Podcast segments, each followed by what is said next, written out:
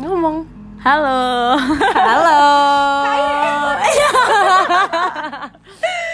Halo, nama aku Tamara. Aku Sonya, Nah, aku Sandri Tabita. dan kita adalah Gak ada Perempuan sih. tanpa konten.